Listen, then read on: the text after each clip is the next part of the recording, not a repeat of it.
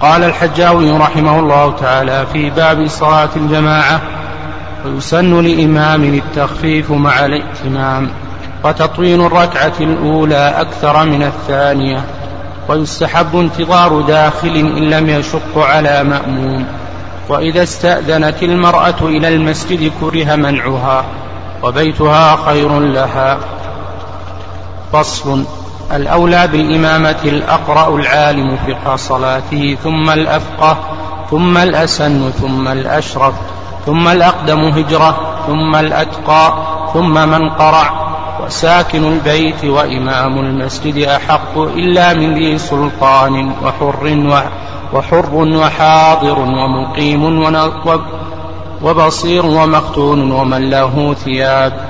أولى من ضدهم ولا تصح ولا تصح خلف فاسق ككافر. ولا امرأة ولا خنثى للرجال ولا صبي لبالغ ولا أخرس. في الدرس السابق تكلمنا عن حكم قراءة المأموم للفاتحة. وهل يجب عليه أن يقرأها أو لا يجب عليه؟ وذكرنا أن العلماء رحمهم الله اختلفوا على أقوال وأن أقرب هذه الأقوال ما ذهب إليه شيخ الإسلام تيمية رحمه الله أن المأموم يجب عليه أن يقرأ في ما يسر به الإمام من الركعات وأما ما يجهر به الإمام من الركعات فإنه لا يجب عليه أن يقرأ. ذكرنا أن المشهور من مذهب الإمام أحمد رحمه الله تعالى أن المأموم لا يجب عليه أن يقرأ مطلقا سواء كان ذلك في الصلاة السرية أو كان ذلك في الصلاة الجهرية. وتكلمنا أيضا عن مسابقة المأموم للإمام. وذكرنا أن المشهور من المذهب أن المسابقة لا تخلو من أربع حالات. ذكرنا حكم المسابقة في تكبيرة الإحرام وحكم المسابقة في السلام. وأما ما عدا ذلك فإن له أربع حالات. وذكرنا الحال الأولى وهي السبق إلى الركن. والحال الثانية السبق بركن الركوع. والحال الثالثة السبق بركن غير الركوع. والحال الرابعة السبق بركنين. ليس فيهما الركوع وبينا حكم كل حالة من هذه الحالات. وذكرنا بالأمس أن أحوال المأموم مع الإمام أربع حالات المسابقة والتخلف والموافقة والمتابعة وأن السنة هي المتابعة. وأنهينا بالأمس ما يتعلق بالمسابقة. عندنا الحال الثانية وهي ما يتعلق بالموافقة. والموافقة هي أن يوافق المأموم. الموافقة هي أن يوافق المأموم الإمام في شيء من أقوال الصلاة أو أفعالها مثال أن يوافقه في بقية الأقوال. غير تكبيرة الإحرام وغير السلام فهذا لا شيء فيه.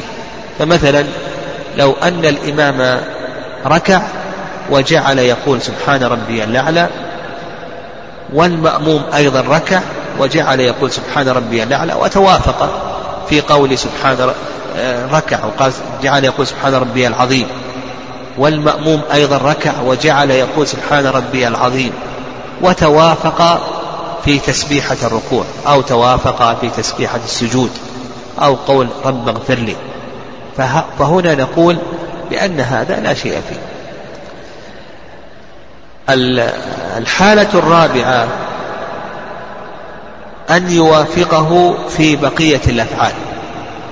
أن يوافقه في بقية الأفعال. كأن يركع مع الإمام أو أن يرفع مع الإمام أو أن يسجد مع الإمام فهذا يكره لأن هذا مكروه خلافا للحنفية. الحنفية يرون أن المتابعة هي الموافقة. فمتابعة الإمام يرون يرون أنها هي أن توافقه في الفعل فإذا ركع تركع معه وإذا سجد تسجد معه. يعني وهذا لا شك أنه ضعيف والصحيح ما ذهب إليه الفقهاء رحمهم الله وأن هذا العمل مكروه كونك توافق الإمام نقول بأنه مكروه ويدل لهذا أن النبي صلى الله عليه وسلم قال إنما جعل الإمام ليؤتم به فإذا كبر فكبروا وإذا ركع فاركعوا. قال وإذا ركع فاركعوا. وفي غير الصحيح في سنن داود ولا تركعوا حتى يركع. ولا تركعوا حتى يركع. فنقول بأن هذا مكروه. الحال الثالثة التخلف عن الإمام.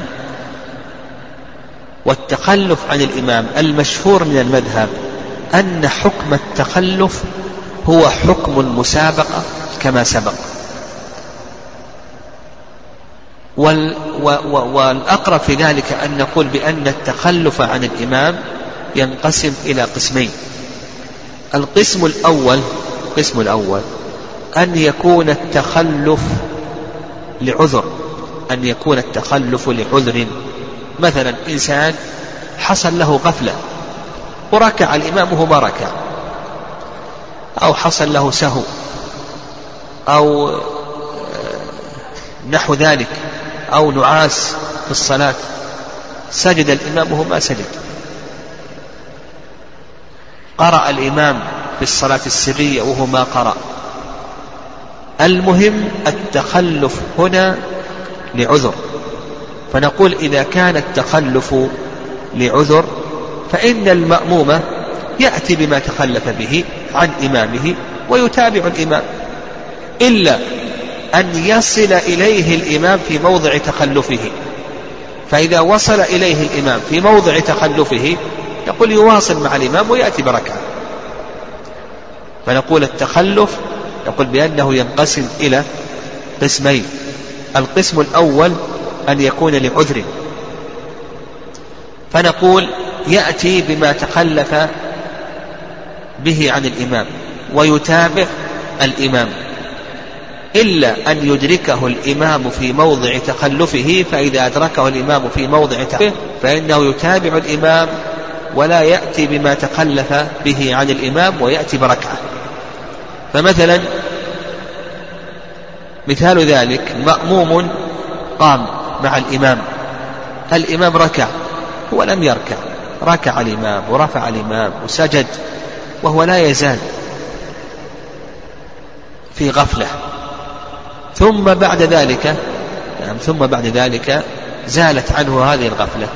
فنقول اركع وارفع واسجد وتابع الإمام لكن لو أن الإمام ركع ورفع وسجد سجدتين وقام وصل إليه في موضع تخلفه فنقول بأنه يتابع الإمام ويأتي بركعة. ولا يأتي بالأركان التي تخلف فيها عن الإمام هذا القسم الأول وهو أن يكون التخلف لعذر. القسم الثاني أن يكون التخلف لغير عذر يعني عمدا عمدا. ركع الإمام وهو لم يركع. سجد الإمام وهو لم يسجد إلى آخره. فنقول هنا خالف السنة. فإن أدرك الإمام في الركن فصلاته صحيحة لكنه خالف السنة. إن لم يدرك الإمام في الركن بأن لحقه الإمام في موضع التخلف نقول بطلت عليه صلاته. ولنفرض نعم ولنفرض أن نعم أن أن مأموما أن مأموما قام مع الإمام. الإمام ركع. الإمام ركع. والمأموم لم يركع. ثم بعد ذلك ركع المأموم. تخلفه كان لغير عذر. تخلف عمدا. ركع الإمام ولم يركع. ثم بعد ذلك المأموم ركع وأدرك الإمام في الركوع. فنقول هنا صلاته صحيحة لكنه خالف السنة. طيب لو أن الإمام فرغ من الركن قبل أن يدركه المأموم في الركن الذي تخلف عنه فيه فإن صلاته تبطل عليه. ركع الإمام والمأموم لا يزال قائما. ثم بعد ذلك المأموم الإمام رفع من الركوع وفرغ من الركن الذي تخلف عنه فيه المأموم فنقول بأن صلاته تبطل عليه. فتلخص لنا أن التخلف عن الإمام ينقسم إلى قسمين إما أن يكون لعذر وهذا بيناه وإما أن يكون لغير عذر فنقول إن أدرك المأموم الإمام في الركن الذي تخلف عنه فيه فصلاته صحيحة لكنه خالف السنة. إن لم يدرك المأموم الإمام في الركن الذي تخلف فيه فنقول بأن صلاته تبطل عليه. ما دام أن التخلف هنا كان لغير عذر وتخلفه كان متعمدا. بقينا في الحالة الرابعة وهي المتابعة. يعني الحالة الرابعة وهي المتابعة. هي أن يأتي المأموم بالركن بعد أن يتلبس به الإمام.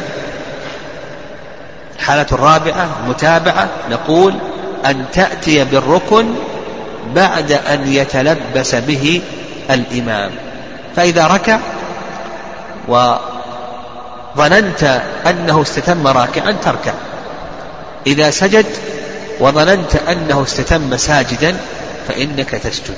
هذه المتابعة المشروعة. وبينا سبق أن أشرنا إلى مذهب أبي حنيفة رحمه الله. الحنفية يرون أن المتابعة المشروعة هي أن يوافق المأموم الإمام في الأفعال. يركع معه يرفع معه إلى آخره.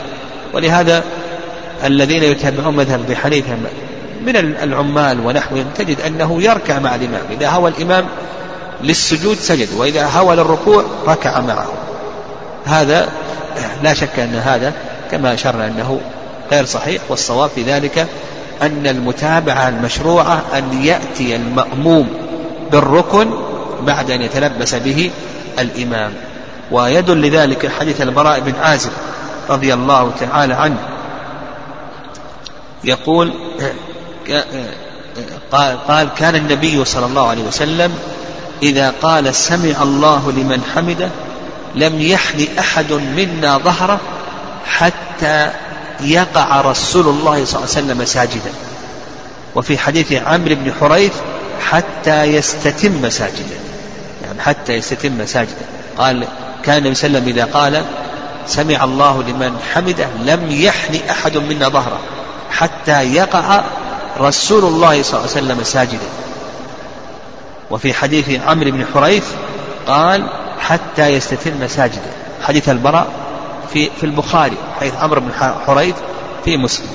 قال المؤلف رحمه الله تعالى ويسن لإمام التخفيف مع الإتمام. يسن للإمام التخفيف مع الإتمام. وقال المؤلف رحمه الله لإمام يخرج ماذا؟ يخرج المأموم والمنفرد. أما المأموم فهو تبع للإمام. وأما المنفرد فهو أمير نفسه. المنفرد أمير نفسه. أما بالنسبة للإمام فيقول لك المؤلف رحمه الله يستحب له أن يخفف مع الإتمام. أما كونه يخفف فلأن النبي صلى الله عليه وسلم قال إذا أما أحدكم الناس فليخفف فإن فيهم الضعيف والكبير وذا الحاجة. إذا أما أحدكم الناس فليخفف. والإتمام لأن هذا هو هدي النبي صلى الله عليه وسلم. وكلكم راع وكلكم مسؤول عن رعيته. فالإمام راعي ومسؤول عن المأمومين عليه أن يرعاهم بسنة النبي صلى الله عليه وسلم. والنبي صلى الله عليه وسلم هو الذي أمر بالتخفيف ومع ذلك كان يؤم الناس في فجر الجمعة بألف لام ميم السجدة. وهل أتى على الإنسان؟ ويقرأ في الفجر بالطور ونحو من السور ويقرأ يقرأ بالطور والواقع ونحوها من السور ويقرأ قاف والقرآن المجيد وشرع في قراءة سورة المؤمنون إلى آخره. وعلى هذا نقول بأن تخفيف الإمام ينقسم إلى قسمين. القسم الأول تخفيف لازم دائم. القسم الأول تخفيف لازم دائم. والتخفيف وهذا التخفيف أن يأتي بسنة النبي صلى الله عليه وسلم. يحرص الإمام على أن يأتي بسنة النبي صلى الله عليه وسلم. ففي الفجر يقرأ بطوال الفصل. يقرأ بقاف والقرآن المجيد. يقرأ بالطور. يقرأ بالواقع ونحوها من السور. كما جاء في حيث البرزة يقرأ في فجر الجمعة. الإفلام ميم السجدة. وهل أتى على الإنسان؟ هذا نقول بأنه تخفيف ماذا؟ لازم. ويكون قدر ركوعه. كم قدر الركوع؟ عشر تسبيحات كما سلف لنا. والسجود عشر تسبيحات. والرفع كما في حيث البراء بن عازب كان ركوع النبي صلى الله عليه وسلم ورفعه وسجوده وجلسته بين سيدتين قريبا من السواء. هذا التخفيف لازم. والقسم الثاني تخفيف عارض يعني أن يخفف عما جاءت به السنة أحيانا لعارض يعرض لبعض المأمومين. ويدل لذلك حديث أبي قتادة رضي الله تعالى عنه أن النبي صلى الله عليه وسلم قال إني لأقوم في الصلاة وأنا أريد أن أطول فيها فأسمع بكاء الصبي فأتجوز مخافة أن أشق على أمه قال النبي صلى الله عليه وسلم تجوز مخافة أن أشق على أمه. آه، آه، هذا فيه تخفيف عارض. عارض أن يخفف عما جاءت به السنة. يعني حيث أبي قتادة في البخاري قال وتطويل الركعة الأولى أكثر من الثانية. هذا السنة أن يطول في الركعة الأولى أكثر من الثانية. ويدل لذلك حديث أبي قتادة رضي الله تعالى عنه أن النبي صلى الله عليه وسلم كان يطول في الركعة الأولى خرجاه في الصحيحين وحيث أبي سعيد أن صلاة الظهر كانت تقام فيذهب الذاهب إلى البقيع ويقضي حاجته ويتوضأ والرسول صلى الله عليه وسلم في الركعة الأولى. كانت صلاة الظهر تقام فيذهب الذاهب إلى البقيع ويقضي حاجته ويتوضأ والنبي صلى الله عليه وسلم في الركعة الأولى. رواه مسلم في صحيحه. ولأن هذا أيضا يعني كونه يطول الركعة الأولى هذا مقتضى الحكمة لأن الإنسان في أول الصلاة أنشط.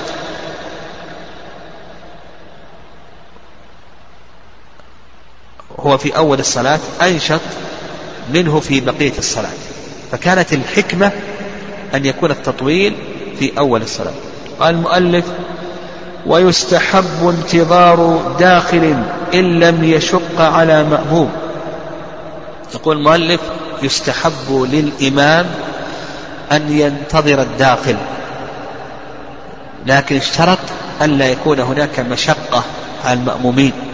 فإن كان هناك مشقة على المأمومين فإنه لا ينتظر الداخل لأن مراعاة من معه أولى بمراعاة من ليس معه لأن من معه حرمتهم أعظم لكونهم تقدموا. بخلاف من ليس معه فإنهم تأخروا. وانتظار الداخل ينقسم إلى أقسام. انتظار الداخل ينقسم إلى أقسام. القسم الأول انتظار الداخل في إقامة الصلاة. بمعنى أننا نتأخر في إقامة الصلاة حتى يأتي فلان. فهذا ليس مشروعا.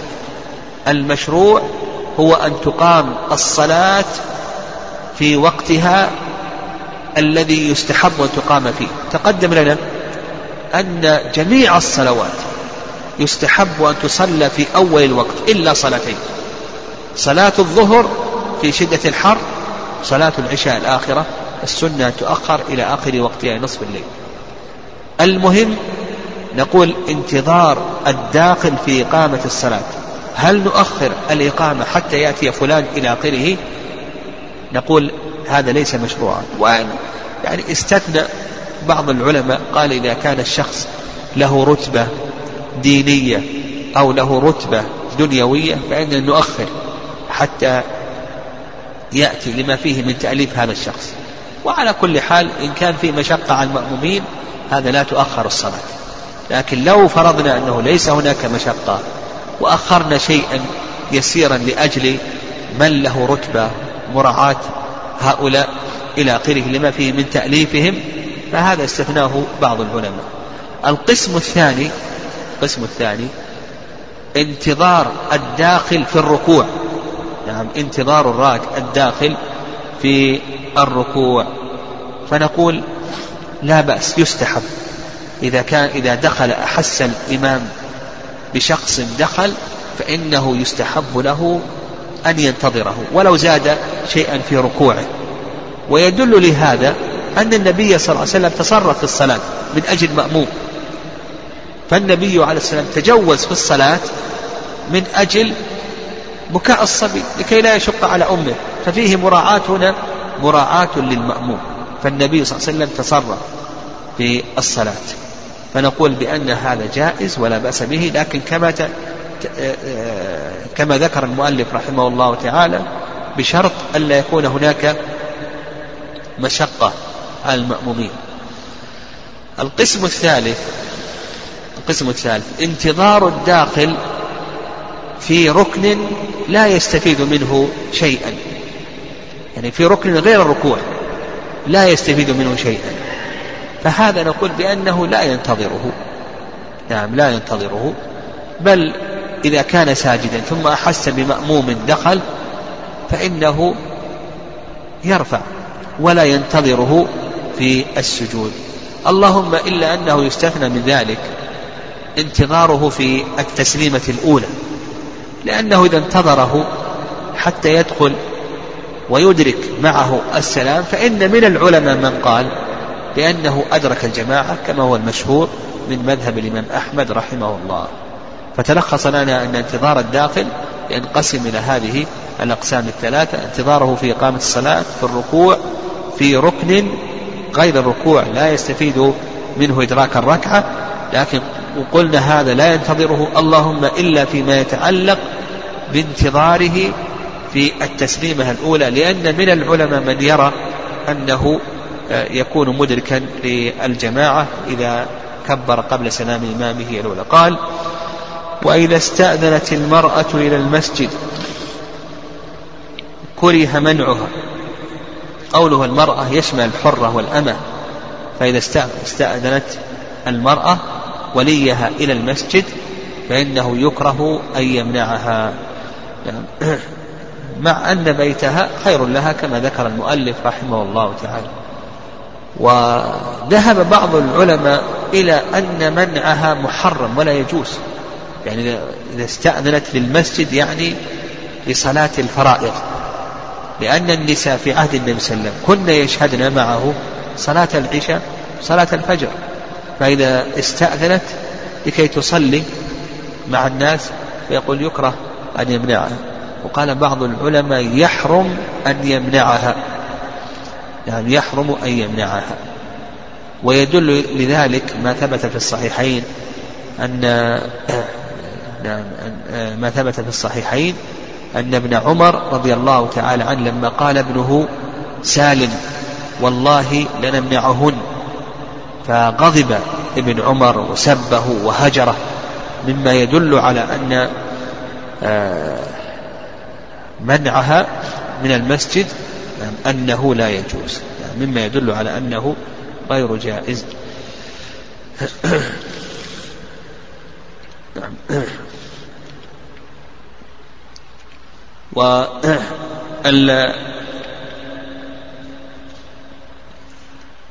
وقال المؤلف وبيتها خير لها. يعني كونها تصلي في بيتها خير لها. وظاهر كلام المؤلف رحمه الله أن بيتها خير لها ولو كانت في مكة ولو كانت في المدينة فإن بيتها خير لها لأن الأصل في أمر المرأة أن تقر في بيتها. و فإن قيل فإن قيل بأن المسجد النبوي الصلاة فيه تعدل بألف صلاة. والمسجد الحرام الصلاة فيه تعدل بمئة ألف صلاة. يقول نعم هذا فضل من جهة العدد لكن كونها تصلي في بيتها لها فضل من جهة ماذا؟ الكيفية. نعم لها فضل من جهة الكيفية. فهذا فضل من جهة العدد وهذا فضل من جهة الكيفية. ونظير ذلك رجل قام وصلى عشر ركعات لكن صلاته ليس فيها شيء من الخشوع. ورجل صلى صلاة ركعتين فيهما خشوع وحضور قلب لله عز وجل. الأولى صلاته فيها فضل من جهة كثرة العدد. لكن الثاني فيها فضل من جهة الكيفية حيث أن هذه الصلاة اشتملت على الخضوع والخشوع لله عز وجل. وربما أن الصلاة الثانية تكون أفضل من الصلاة من الصلاة الأولى. لأن المقصود هو إصلاح القلب. ولا شك أن هذه الصلاة الخاشعة تكون أصلح القلب من الصلاة غير الخاشعة. و ويشترط أن تخرج يعني يشترط أن تخرج غير متطيبة فإن كانت متطيبة فإنه لا يجوز لها أن تخرج. لقول النبي صلى الله عليه وسلم أي امرأة مست بخورا فلا تشهد معنا العشاء الآخرة. وأيضا يشترط ألا يكون هناك ضرر أو يخشى فتنة. فإن كان هناك ضرر أو فتنة فإنه آه، آه، له أن يمنعها. وكذلك أيضا يشترط أن يكون ذلك في الصلوات. أما ما عدا الصلاة كما لو أرادت أن تحضر درسا أو محاضرة ونحو ذلك فإن له أن يمنعه. لكن هنا إذا استأذنت للصلاة هو الذي يكره أو يحرم أن يمنعه. قال المؤلف رحمه الله تعالى وبيتها خير لها. قال فصل الأولى بالإمامة الأقرب. هنا شرع المؤلف رحمه الله في هذا الفصل في بيان جملة من أحكام الإمامة والإمامة في اللغة القصد وأما في الاصطلاح فهو ربط صلاة المؤتم بالإمام في الاصطلاح ربط صلاة المؤتم بالإمام و مذهب الشافعية رحمه الله رحمهم الله مذهب الشافعية في في جملة كبيرة من أحكام الإمامة هم أحسن المذاهب. يعني فيما يتعلق يعني فيما يتعلق بارتباط صلاة المأموم بالإمام الشافعية رحمه الله مذهبهم هم أحسن المذاهب. يعني في هذه المسألة كما سيأتي إن شاء الله. قال المؤلف رحمه الله تعالى الأولى بالإمامة. يعني من يقدم في الإمامة؟ وصورة المسألة هنا في مسجد ليس له إمام أو في جماعة خرجوا لحاجة خرجوا مثلا كنزهة أو في سفر من نقدم للإمامة. أما إن كان المسجد له إمام يعني رتب له إمام من قبل ولي الأمر كما تقدم أو من قبل الجماعة جماعة المسجد فهو أولى بالإمامة لا إشكال. لكن المقصود هنا عندنا مسجد ليس له إمام. أو أن جماعة خرجوا في سفر أو في نزهة من يقدم للإمام؟ قال لك المؤلف رحمه الله الأولى بالإمامة الأقرأ. نعم وهذا المشهور من مذهب الإمام أحمد رحمه الله. وانتبه أن القراءة في الإمامة نص عليها النبي صلى الله عليه وسلم كثيرا. يعني نص عليها النبي عليه الصلاة والسلام كثيرا. فالأولى يقول لك المؤلف رحمه الله الأقرأ. هذا المشهور مذهب الإمام أحمد. وعند كثير من العلماء جمهور العلماء أن الأولى الأفقه. نعم الأفقه يعني الأعلم بأحكام الصلاة. ولكل منهم دليل.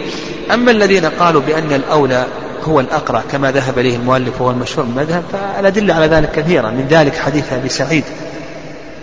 حديث أبي سعيد أن النبي صلى الله عليه وسلم قال إذا كانوا ثلاثة فليؤمهم أحدهم وأحقهم بالإمامة أقرأهم. قال أحقهم بالإمامة أقرأهم رواه مسلم.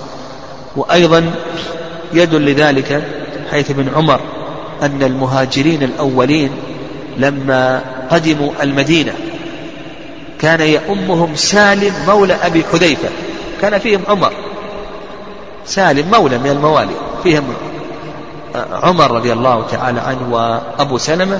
لكن لما كان سالم كان أكثرهم قرآنا قدم. وعمر بن سلمة رضي الله تعالى عنه أما قومه ولا وهو ابن ستة وسبع سنوات لما كان أكثرهم قرآنا. فنقول يقول لك المؤلف الأولى هو الأقرأ. وعند الجمهور الأولى الأفقى واستدلوا على ذلك بأن النبي صلى الله عليه وسلم قدم أبا بكر قدم أبا بكر في الصلاة. وهناك من هو أقرأ من أبي بكر كأبي مسعود وأبي بن كعب.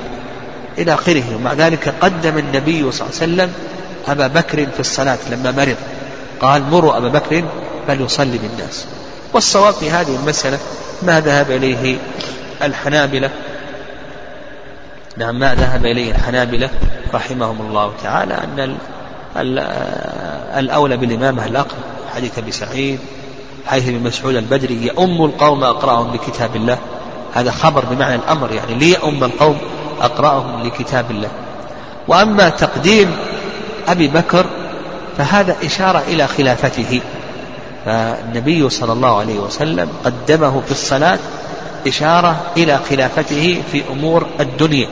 ولهذا المهاجرون احتجوا على الأنصار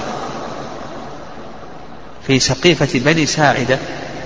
لما أراد الأنصار أن يبايعوا آه، رجلا من الأنصار فقالوا رضيه لديننا أفلا نرضاه لدنيانا.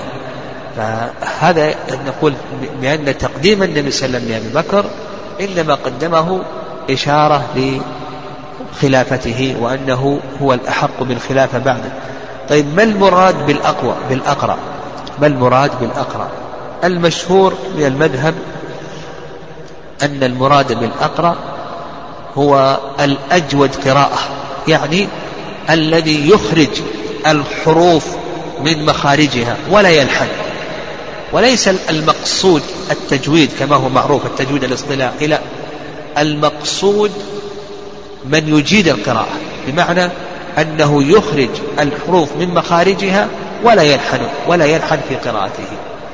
والرأي الثاني أن المقصود بالأقرأ قول الثاني في المذهب الأكثر حفظا الأكثر حفظا. وعلى هذا إذا كان عندنا رجلان هذا يحفظ عشرين وهذا يحفظ عشرة نقول نقدم من؟ من يحفظ عشرين. وهذا القول هو الصواب. كما ذكرنا حيث ابن عمر أن النبي صلى الله عليه أنه قال لما قدم المهاجر الأولون كان يؤمهم سالم مولى أبي حذيفة وفيهم عمر. كان أكثرهم قرآنا يعني كان أكثر من عمر في في حفظ القرآن. وعمرو بن سلمة أما قومه وهو ابن ستة وسبع سنوات لأنهم نظروا فوجدوه وجدوا عمرا أكثرهم قرآنا فالصواب أن المقصود هنا بالأقرأ الأكثر قراءة الأكثر حفظا لكتاب الله عز وجل. قال العالم فقه صلاته ثم الأفقه. هذه المرتبة الثانية. المرتبة الثانية الأفقه. وما المراد بالفقه هنا؟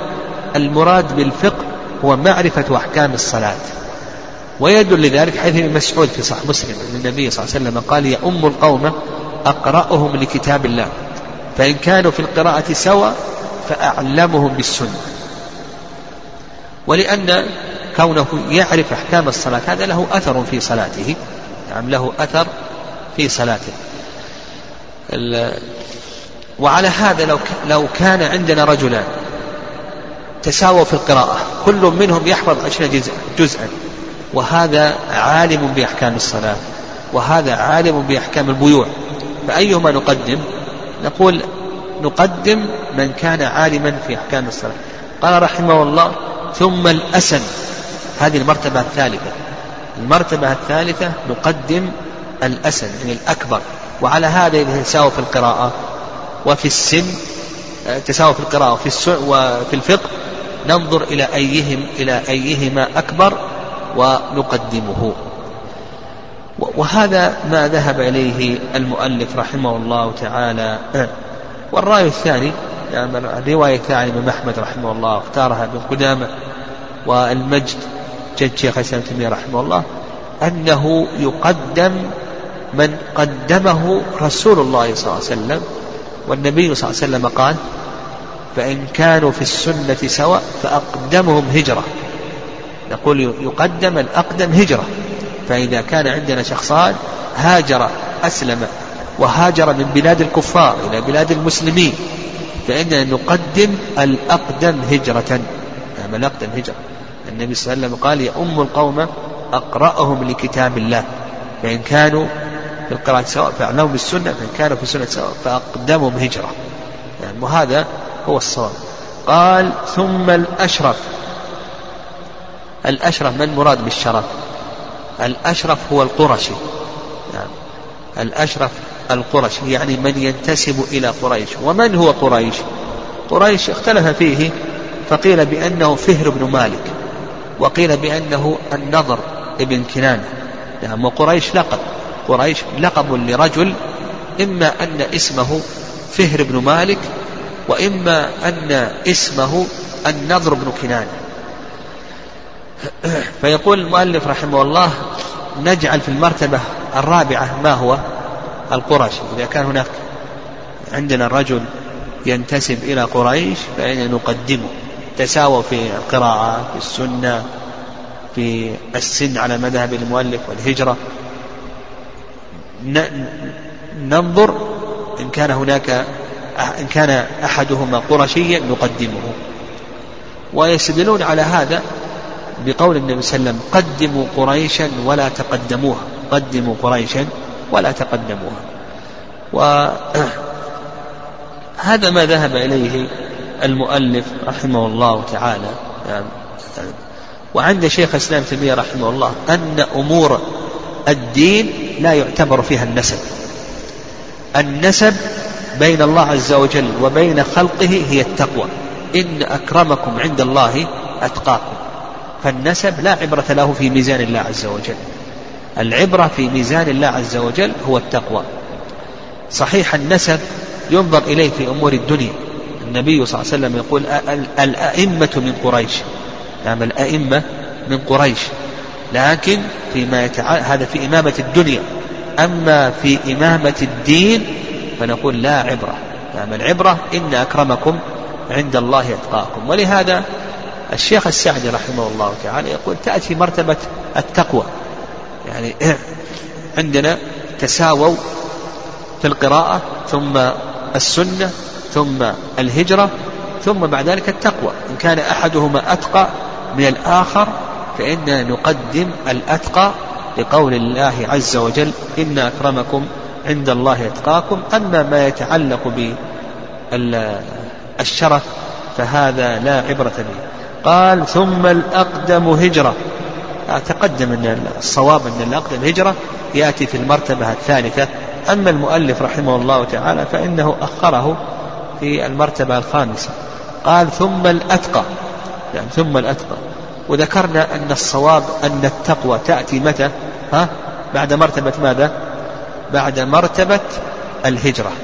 فتكون المراتب القراءة الفقه الهجرة التقى. نعم التقى. قال ثم من قرأ. يعني إذا تساووا في هذه الأشياء. نعم. نعم. إذا تساووا في هذه الأشياء ثم من قرأ. قبل قبل القرعة ننظر إلى الأكبر. فيكون السن في المرتبة ماذا؟ الخامسة أو السادسة. القراءة الفقه الهجرة التقى ثم بعد ذلك في المرتبة الخامسة السن. لحديث مالك بن حويرث أن النبي صلى الله عليه وسلم قال إذا حضرت الصلاة فليؤذن لكم أحدكم وليؤمكم أكبركم. نعم وليؤمكم أكبركم. فنقول مرتبة السن تأتي في المرتبة الخامسة. قال ثم من قرع هذه المرتبة السادسة. هناك مرتبة ذكرها أيضا العلماء رحمهم الله تعالى. قالوا إيه، إيه، بعد ذلك من رضيه الجيران. يعني من رضيه الجيران أو أهل المسجد. يعني ف أو أكثرهم. فإذا كان عندنا شخصان أحدهما يرضاه جماعة المسجد والآخر لا يرضونه أو أكثر الجماعة يرضونه والآخر لا يرضاه إلى القلة فإنه يقدم من يرضاه الجماعة أو الأكثر لأن الجماعة المقصود هنا التأليف. يعني وإذا كان الجماعة لا يرضونه حصلت النفرة وإلى آخره. ثم بعد ذلك هذه المرتبة السادسة المرتبة السابعة قال ثم من قرع يعني نجري القرعة فمن خرجت له القرعة فإنه يقدم لأن القرعة طريق للتمييز بين المستحقين عند الاشتباه. قال رحمه الله وساكن البيت وإمام المسجد أحق. مطلقا. ساكن البيت أحق. حتى من رجل عالم قارئ هو أحق. فلو أن رجلا زاره رجل عالم قارئ وحضرت الصلاة وشرعت الصلاة في البيت أرادوا أن يصلوا في البيت أو أنهم يتنفلون في البيت إلى آخره. يقول الأحق بالإمام من هو؟ صاحب البيت. مثل أيضا إمام المسجد أحق فلو كان هذا المسجد له إمام ثم بعد ذلك جاء رجل عالم كبير فنقول الأحق إمام المسجد إلا إن قدم. والعلماء رحمهم الله يقول يستحب لصاحب البيت وإمام المسجد أن يقدم يعني من يقدم العالم إلى آخره. قال ويدل لذلك ما ثبت في صحيح مسلم أن النبي صلى الله عليه وسلم قال لا يؤمن الرجل الرجل في سلطانه ولا يقعد على تكريمته إلا بإذنه. وصاحب البيت سلطان في بيته وصاحب المسجد سلطان في مسجده قال إلا من ذي سلطان. إلا من ذي سلطان. يعني إلا السلطان الأعظم أو نائبه فهو أحق أحق بالإمامة حتى من إمام المسجد. لماذا؟ لعموم ولايته. فلو جاء السلطان الأعظم أو جاء نائبه فإنه يقدم للإمامة لكونه أحق. أو جاء إلى صاحب البيت يزوره في بيته وأراد أن يؤم الناس فإنه يقدم. قال رحمه الله وحر وحاضر ومقيم وبصير ومقتول ومن له ثياب أولى من ضدهم. حر. يعني عندنا حر ورقيق. من الأولى بالإمامة يقول لك المؤلف رحمه الله الأولى بالإمامة الحر. لماذا؟ لأن الرقيق مشغول بشؤون سيده. فالحر أولى بالإمام من الرقيق. وهذا هذا يحتاج إلى دليل. نحن عندنا ميزان عندنا ميزان وضعه النبي صلى الله عليه وسلم. يؤم القوم أقرأهم لكتاب الله. كيف نقول الحر وهذا الرقيق أقرأ من الحر؟ ما دام عندنا ميزان وضعه النبي صلى الله عليه وسلم فإننا نأخذ بميزان النبي عليه الصلاة والسلام. تقدم لنا المراتب التي دلت عليها الأدلة. فالصحيح أن مثل هذه الأشياء التي ذكرها المؤلف رحمه الله هذه الأشياء كل هذه نرجعها إلى ماذا؟ إلى الضوابط اللي ذكرنا. القراءة الفقه الهجرة التقى السن رضا الجماعة القرآن. سبع مراتب. نرجعها. التي ذكرها. ذكرها المؤلف رحمه الله. مثله أيضا قال لك وحاضر. يعني الحضري المقيم في المدن أولى من الأعرابي المقيم في الصحراء.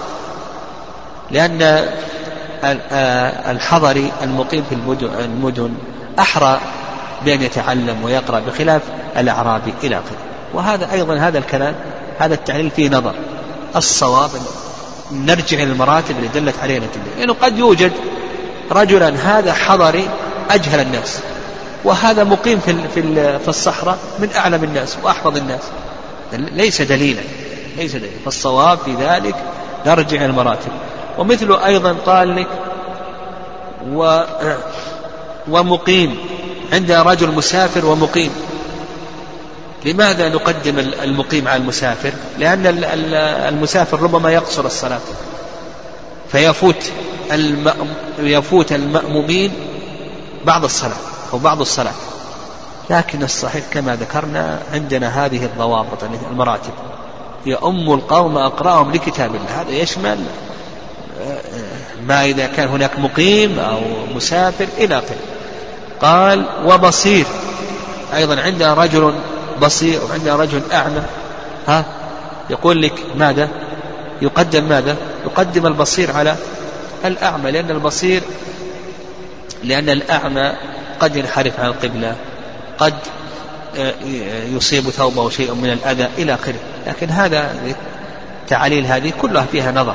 الصواب أن نرجع إلى ما تقدم. قال ومن له ثياب أولى من ضدهم. من له ثياب؟ والمقصود هنا يعني له ثياب يعني استتر الستر الكامل وليس الستر المجزي. لا شك أنه إذا كان ما ستر الستر المجزي إنه ما يحضر عند الناس لكن هو استتر الآن الستر المجزي. ولنفرض نفرض أن رجلا ستر النصف الأسفل من بدنه من السرة إلى الركبة. ورجل ستر جميع بدنه. من الأولى بالإمامة؟ يقول لك الذي له ثياب هذا أولى بالإمامة من الذي بدا شيء من بدنه إلى آخره. لأن الله سبحانه وتعالى يقول يا بني آدم خذوا زينتكم عند كل مسجد. والصواب كما ذكرنا فالخلاصة أن هذه المسائل التي ذكرها المؤلف رحمه الله نرجعها إلى ماذا؟ نعم إلى الضوابط التي دلت عليها الأدلة فيما تقدم. قال ولا تصح خلف فاسق. يقول المؤلف رحمه الله ولا تصح خلف فاسق ككافر. يقول الصلاة تصح خلف فاسق. والفسق في اللغة الخروج. منه قولهم فسقت الثمرة إذا خرجت من قشرها. وأما في الاصطلاح فهو ينقسم إلى قسمين. فسق من جهة الأعمال وفسق من جهة الاعتقاد. يعني فسق من جهة الأعمال وفسق من جهة الاعتقاد. أما الفسق من جهة الأعمال فأن يأتي كبيرة أو أن يصر على صغيرة ولم يتب منها أن يأتي كبيرة أو أن يصر على صغيرة ولم يتب منها وأما الفسق من جهة الاعتقاد فهو مخالفة معتقد أهل السنة والجماعة. يعني مخالفة معتقد أهل السنة والجماعة سواء كان ذلك فيما يتعلق أسماء الله وصفاته أو فيما يتعلق بالإيمان أو فيما يتعلق باليوم الآخر أو غير ذلك. المهم مخالفة معتقد أهل السنة والجماعة ما لم يصل ذلك إلى حد الكفر. فيقول لك المؤلف رحمه الله لا تصح. الصلاة خلف الفاسق ويستدلون بحيث جابر في سنن ابن ماجه. لا يؤمن نعم ولا فاجر مؤمنا لا تؤمن امرأة رجلا ولا أعرابي مهاجرا ولا فاجر مؤمنا هذا الحديث ضعيف لا يثبت عن النبي صلى الله عليه وسلم. فالمذهب أنه لا تصح الصلاة خلف الفاسق ما تقدم من الدليل على ذلك وقال به الإمام مالك. والرأي الثاني رأي الشافعية والحنفية أنها تصح خلف الفاسق ويدل لذلك أدلة كثيرة وهو الوارد عن الصحابة. نعم حيث أبي هريرة في البخاري أن النبي صلى الله عليه وسلم قال يصلون لكم فإن أصابوا فلكم ولهم وإن أخطأوا فلكم وعليهم إن أصابوا فلكم ولهم وإن أخطأوا فلكم وعليهم. وكذلك أيضا حديث أبي ذر كيف أنت إذا كان عليك امراء يؤخرون الصلاة عن وقتها؟ نعم. قال كيف تأمرني يا رسول الله؟ قال صل الصلاة لوقتها فإن أدركتها معهم فصل. صل الصلاة لوقتها فإن أدركتها معهم فصل. كذلك أيضا ابن عمر صلى خلف الحجاج كما في البخاري. وأبو سعيد صلى خلف مروان والحسن والحسين صلى خلف مروان وابن مسعود صلى خلف الوليد بن عقبة وكان يشرب الخمر إلى آخره. وكذلك أيضا عثمان رضي الله تعالى عنه لما حصر جاءه عبيد الله بن عدي بن القيار فقال نعم. وإنه يصلي بالناس إمام فتنة. الذين خرجوا على عثمان قال يصلي بالناس إمام فتنة. فقال عثمان رضي الله تعالى عنه الصلاة من أحسن ما يعمل الناس. فإذا أحسنوا فأحسن معهم. فأذن له أن يصلي خلف هذا الإمام مع أنه إمام نعم إمام فتنة. بن عمر رضي الله تعالى عنه كان يصلي خلف الخوارج. فالصواب في ذلك أن الصلاة خلف الفاسق أن الصلاة صحيحة. ولا ارتباط. انتبه لهذه القاعدة أيضا. لا ارتباط بين صلاة الإمام وصلاة المأموم فيما يتعلق بإبطال الصلاة كما يقول الشافعية يعني, يعني البطلان الذي قد يسري إلى صلاة الإمام لا يسري إلى صلاة المأموم. نعم. لكن الارتباط فيما يتعلق بتحصيل الجماعة إلى آخره. أما البطلان فهذا ارتباط. وعلى هذا نقول بأنه تصح. لكن مثل هذا الفاسق لا نرتبه إماما راتبا. لا ينبغي نرتب إماما راتبا إنما نرتب الإمام العدل. لكن الفاسق هذا لا نرتب. قال ككافر. يعني لا تصح الصلاة خلف الكافر. والصلاة خلف الكافر تنقسم إلى قسمين القسم الأول أن يعلم كفره فهذا لا تصح الصلاة خلفه. أن تعلم أنه كافر نقول لا تصح الصلاة خلفه. والقسم الثاني أن يجهل كفره فنقول بأن الصلاة خلفه صحيحة. قال ولا امرأة. وهذا عند جمهور العلماء رحمهم الله. وما تقدم ذلك ما تقدم حيث جابر ولا امرأة رجل. وما أفلح قوم ولوا أمرهم امرأة كما حديث عائشة رضي الله تعالى عنها. وعند الإمام أحمد رحمه الله أنه لا بأس أن تصلي المرأة بمحارمها في صلاة التراويح. يعني في صلاة التراويح لا بأس أن تصلي بمحارمها. وأبو ثور لم يقيده بصلاة التراويح. أنه لا بأس أن تصلي بمحارمها يعني بمحارمها ولو في غير التراويح. وعلى كل حال نقول بأن الصلاة نوع من الإمامة. يعني الصلاة نوع من الإمامة. والنبي صلى الله عليه وسلم يقول ما أفلح قوم ولوا أمرهم امرأة. ويقول خير صفوف الرجال أولها وشرها آخرها أو خير صفوف النساء آخرها وشرها أولها. وإذا كان صفها شرا إذا كانت في أول القائمة إلى آخره فكيف نقول بأنه تصح؟ من وسلم حكم بأن هذا الصف يكون شرا. نعم.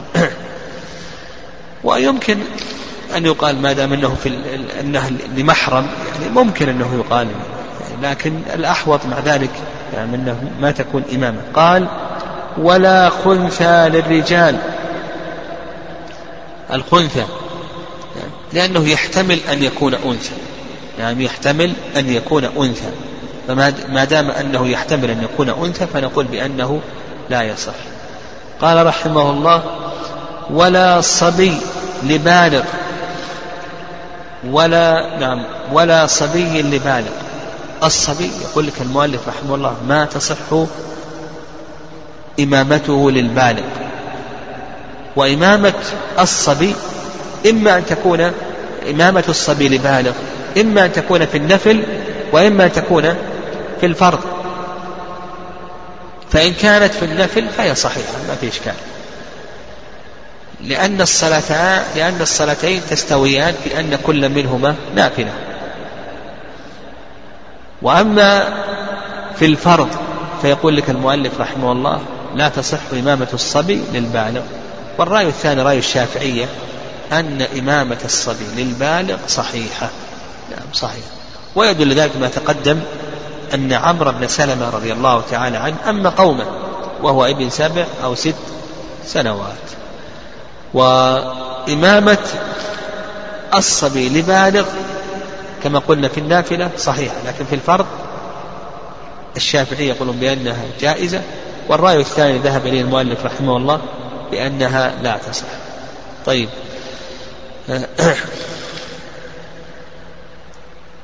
و وأما إمامة الصبي للصبي يعني فهذه صحيحة ما في إشكال. قال ولا أخرس. يعني لا تصح إمامة الأخرس. الأخرس هو الذي لا ينطق. إمامة الأخرس لا تصح ولو بمثله. هذا المذهب. نعم ولو بمثله. إمامة الأخرس لا تصح ولو بمثله. والرأي الثاني نعم الرأي الثاني أنها تصح. مطلقا. نعم أنها تصح مطلقا لعمومات الأدلة كما تقدم يؤم القوم أقرأهم لكتاب الله إلى آخره. وأحق بالإمامة أكثرهم قرآنا إلى آخره. يعني لكن مثل هذا كما سلف يعني نقول بأنه لا يرتب إماما. يعني لا يرتب إماما. لكن لو أنه صلى وهو أخرس فنقول بأن صلاته وبأن صلاته صحيحة. ومن صحت صلاته صحت إماما. والله أعلم.